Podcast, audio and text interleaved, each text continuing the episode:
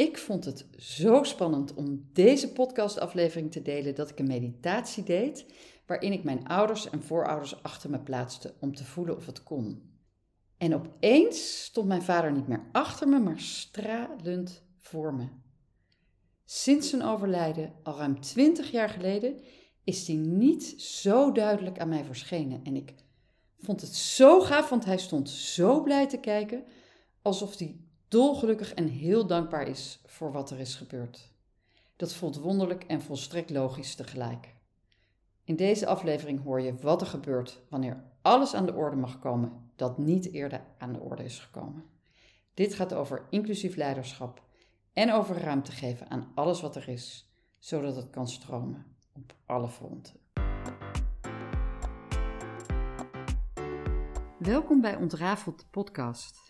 Hier ontdek je hoe je als vrouwelijk leider meer balans krijgt in je leven.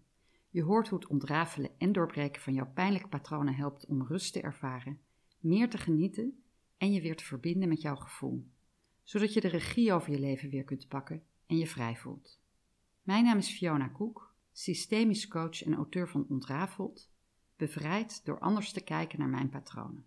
Ik ga het vandaag met jullie hebben over een heel kwetsbaar onderwerp en heel persoonlijk. Dus als je mijn stem hoort trillen, dan weet je waar dat vandaan komt.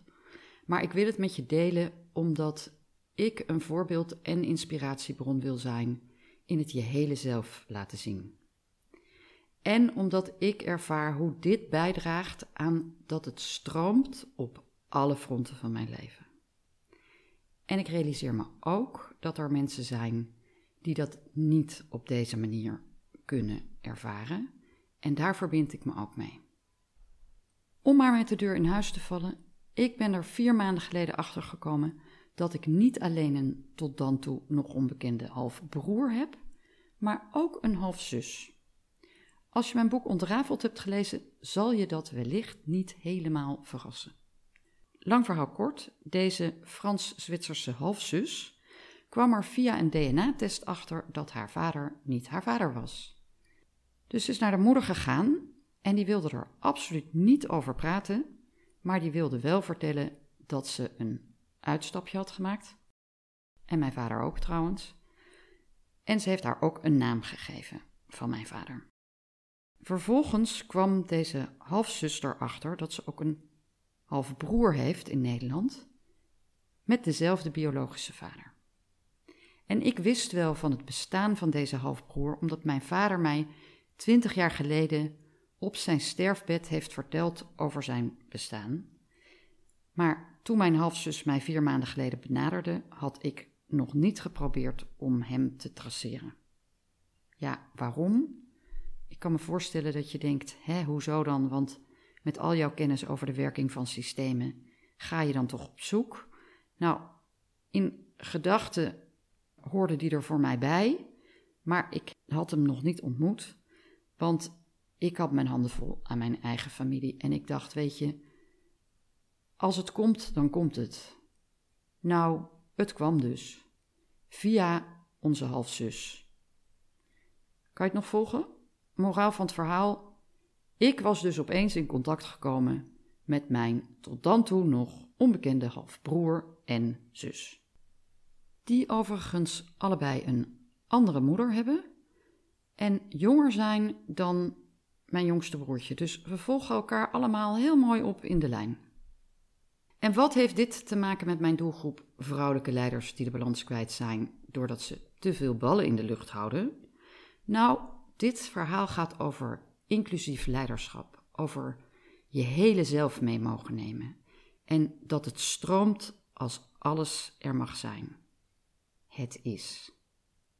Hoe heb ik dat gedaan? Nou, ik heb echt ruimte gegeven aan alles wat er in mij was. Dus vanaf het moment dat ik het hoorde, ben ik echt gedurende een periode van, uh, weet ik veel, drie, vier weken heel emotioneel instabiel geweest. En dan kon ik echt huilen om niets.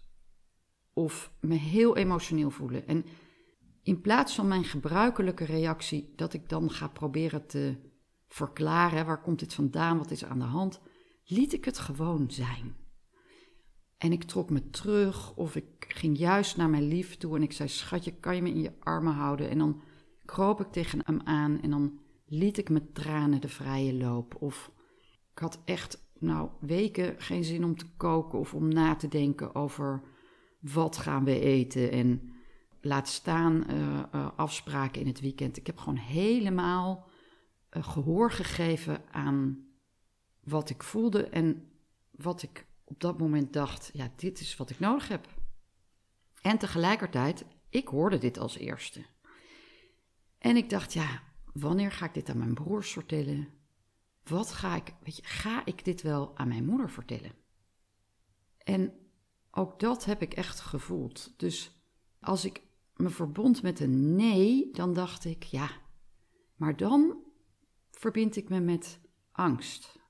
Hoe zou ze reageren? Kan ze dit wel aan? En door te denken, kan zij het wel aan, maakte ik mezelf groot en mijn moeder klein. En ik heb in mijn boek Ontrafeld geschreven dat ook toen ik dat boek aan het schrijven was, dat vond zij niet zo leuk. Maar ik heb gezegd, ja, ik ga het wel doen, want ik wilde dat patroon van mezelf groter maken, dat wilde ik nou precies doorbreken. En dat heb ik ook echt wel, voor mijn gevoel, doorbroken. En ik kan mijn plek innemen als dochter van mijn moeder. Maar dat betekent dat ik ook met dit soort dingen me wederom niet groter hoef te maken door een aanname te doen over hoe zij mogelijk zou reageren. En als ik me verbond met ja, ik ga het haar wel vertellen, dan voelde ik liefde en het had de kwaliteiten van grootsheid en vertrouwen. En dat maakte dat ik het heel zorgvuldig aan zowel mijn broers als mijn moeder heb kunnen vertellen. En belangrijk daarin, ik deed dat heel onvoorwaardelijk. Dus zonder me te verbinden met hoe ik verwachtte dat zij zouden reageren. Want ik wist, we hebben allemaal tijd nodig om dit te verwerken. En één ding was duidelijk voor ons allemaal: het was geen verrassing. En ze zijn familie, whether we like it or not. Dus we hebben allemaal op onze eigen manier gedacht: laten we maar gewoon vol ja zeggen hiertegen. En mijn moeder van 86, die zei: Ik wil ze wel ontmoeten. Zei ik: Wat? En toen zei ze: Ja, maar ik hield zoveel van hem. En daarmee sloot ze ook zijn ontrouw in. Heel onvoorwaardelijk in haar liefde. Ik voel me zo dankbaar voor hoe iedereen dit op zijn of haar eigen manier heeft opgepakt. En het was zo fijn om het niet alleen te hoeven dragen. Nou weet ik hoeveel kracht het geeft aan systemen wanneer iedereen erbij hoort en zich gezien voelt, geaccepteerd wordt. Hoe het is om je eigen plek te kennen. Maar ik heb het ook echt gevoeld. Want zodra iedereen, dat wil zeggen mijn vier broers en mijn moeder, het wisten, heeft mijn halfzus direct een trip gepland vanuit Parijs naar Rotterdam. En toevallig konden we er allemaal bij zijn. Dat wil zeggen, twee van mijn broers die op dit continent wonen met hun vrouwen, want ik heb ook twee broers in Amerika. Mijn halfbroer en zijn vrouw, mijn halfzus met haar man, mijn moeder en natuurlijk mijn eigen lief. En we hadden al contact gehad via videocalls en we hadden al een appgroepje inmiddels samen met alle broers en zussen. Maar elkaar live zien, dat gaf toch echt een andere dimensie. Ik had iedereen bij ons thuis uitgenodigd in Hartje Rotterdam. En na dagen regen brak de zon door en we konden heerlijk borrelen op ons balkon met de champagne die onze halfzus had meegenomen uit Frankrijk. Echte champagne. Moest heel erg om lachen dat ik dat woord gebruikte, want voor een Fransman is champagne natuurlijk echt. En daarna zaten we met z'n elfen samen aan tafel. Mijn halfbroer had asperges meegenomen uit Limburg. Mijn broer maakte verse Hollandaise saus. Zijn vrouw kwam aan met de handen vol met tulpen uit de Bollenstreek. Mijn andere schoonzus bracht een taart mee voor Toetje. Nou, en hulde aan mijn lief, die als altijd weer samen met mij had gezorgd voor de energetische ruimte waarin dit allemaal kon plaatsvinden.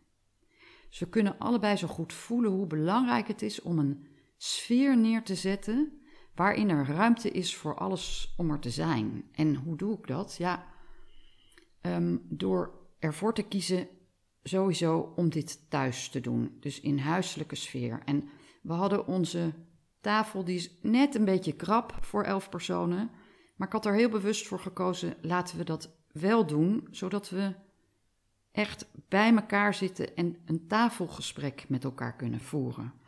En ik had de tafel heel mooi gedekt met een mooi tafelkleed en bloemetjes. En het was gezellig en we hadden heel erg lekker eten, maar dat vroeg weinig voorbereiding. Ik had het goed voorbereid van tevoren, zodat we op het laatst weinig hoefden te doen. Iedereen kon zelf zijn eigen eten pakken. Dus er was structuur en er was ongedwongenheid. Mijn moeder aan het hoofd van de tafel, echt diep respect, met een luisterend oor volle aandacht voor alle gesprekken. En er was echt ruimte voor het echte gesprek en voor emoties. Een van mijn broers vertelde uitgebreid over onze vader. Mijn halfbroer en zus vertelden over hun geboortes, hun opgroeien, belangrijke levenservaringen. Dus we huilden met elkaar, we lachten om zoveel gelijkenis. De mentaliteit van aanpakken, die we zo goed kennen, als vanzelfsprekend helpen met opruimen.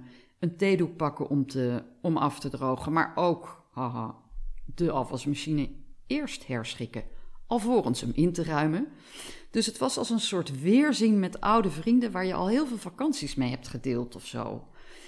Heel vanzelfsprekend direct de diepte in. En de tijd vloog voorbij. Die ontmoeting met hen verbinden, hen letterlijk zien, maakt dat ik echt heb kunnen voelen hoe belangrijk het is om te weten waar je vandaan komt. En je geaccepteerd te voelen. Je plek te kennen en die in te nemen. Maar ook om het tijd en ruimte te geven. En het mooie is, het heeft allerminst afbreuk gedaan aan onze bestaande hechte familieband. De band is eerder sterker geworden. En zo mooi, want een van mijn broers benoemde ook meteen die roze olifant. Hoe gaan we nu verder? Gaan we nou samen kerstmis vieren? Nee, zeiden we allemaal. Weet je, we hebben onze eigen levens. We hebben al onze ja, families en, en waar we dat soort dingen mee doen. Maar laten we wel contact houden en we zien wel hoe het loopt. Dus ook dat voelde vrij. Weet waar je aan begint als je achterloos denkt: ik doe een DNA-test omdat ik nieuwsgierig ben naar mijn etnische achtergrond. Ik zei aan het begin: ik verbind me ook met mensen waar dit proces heel anders gaat. En daar kan ik dit over zeggen. Vroeger ging het anders. Er werd nog voor gekozen om kinderen niet te vertellen als hun ouders niet hun biologische ouders waren, door adoptie of donorschap. Vandaag weten we veel meer. Dus als je hiermee te maken hebt, vul het alsjeblieft niet in voor een ander, maar verbind je in liefde met die betrokkenen en vertel ze hoe het zit. Het geeft kracht om de waarheid aan te kijken, hoe pijnlijk ook. Doe geen aannames, maar wees onvoorwaardelijk. Verwacht niets. Dat geeft energetische ruimte aan jou en de ander, het grotere geheel. Dan kan het stromen. Ik kan dat zo voelen, wij hebben dat samen kunnen voelen.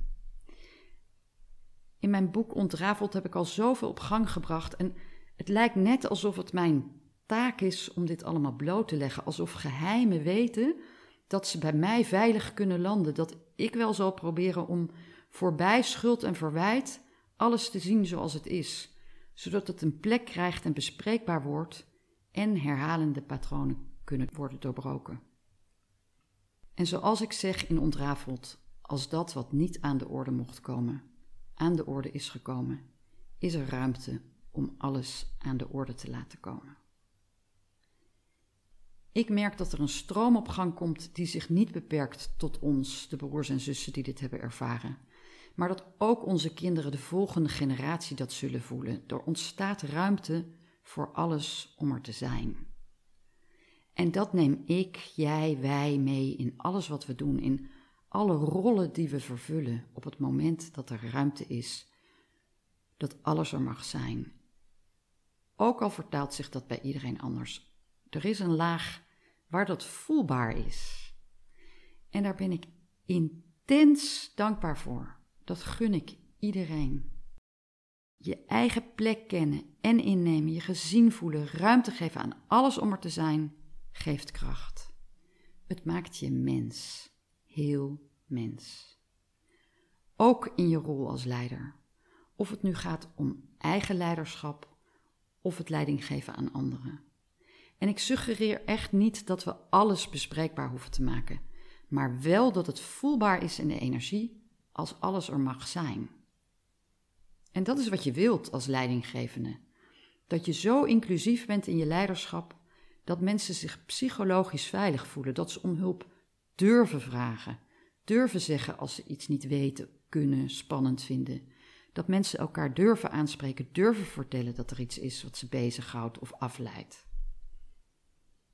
En mijn ervaring is dat het uitspreken alleen al helpt om het vervolgens te kunnen parkeren tijdens een meeting of werkdag, om er op een ander moment naartoe terug te gaan. Want alles wat er niet mag zijn, ja, dat is er toch wel. En dan komt het via de achterdeur nog veel harder binnen. Beter dat het meteen de ruimte krijgt. Het is mijn grote verlangen dat we elkaar mogen zien met alles wat er wel en niet is. En voor mij, ik neem deze ervaring mee in mijn rol als coach. Vaak hebben cliënten die bij me komen mijn boek al gelezen en dan zeggen ze: Jij bent echt zo open. Ik heb het gevoel dat ik hier werkelijk alles kan zeggen. Dat is ook zo en dat schept een context waarin mensen wel de diepte in durven gaan, naar plekken waar ze eerder niet naartoe durfden. En dat is waar de echte transformatie kan plaatsvinden. Voor mij als coach is dat het allermooiste wat er is, want dan kan ik helemaal aangaan met al mijn energetische helderheid, waardoor er heling kan plaatsvinden op een hele diepe laag. Nou, mocht mijn verhaal jou het gevoel geven dat je iets te doen hebt met jezelf, kijk op mijn website om te zien wat bij je past. Ik heb een boek, ik heb een online cursus, een soort systemisch instapmodel. Ik heb een vierdaagse verdieping voor mensen die al laagjes hebben afgepeld, maar voelen dat ze toch echt een tandje dieper willen. Ik heb ook een één op één maatwerktraject. Je bent echt van harte welkom en tof dat je weer geluisterd hebt. Nou, mocht je dit een inspirerend verhaal vinden, zou je het dan alsjeblieft willen delen? En als je dat doet op de socials, wil je mij dan taggen, want daarmee kunnen we zorgen dat dit verhaal zo veel mogelijk mensen bereikt die hier op de een of andere manier mee te maken hebben.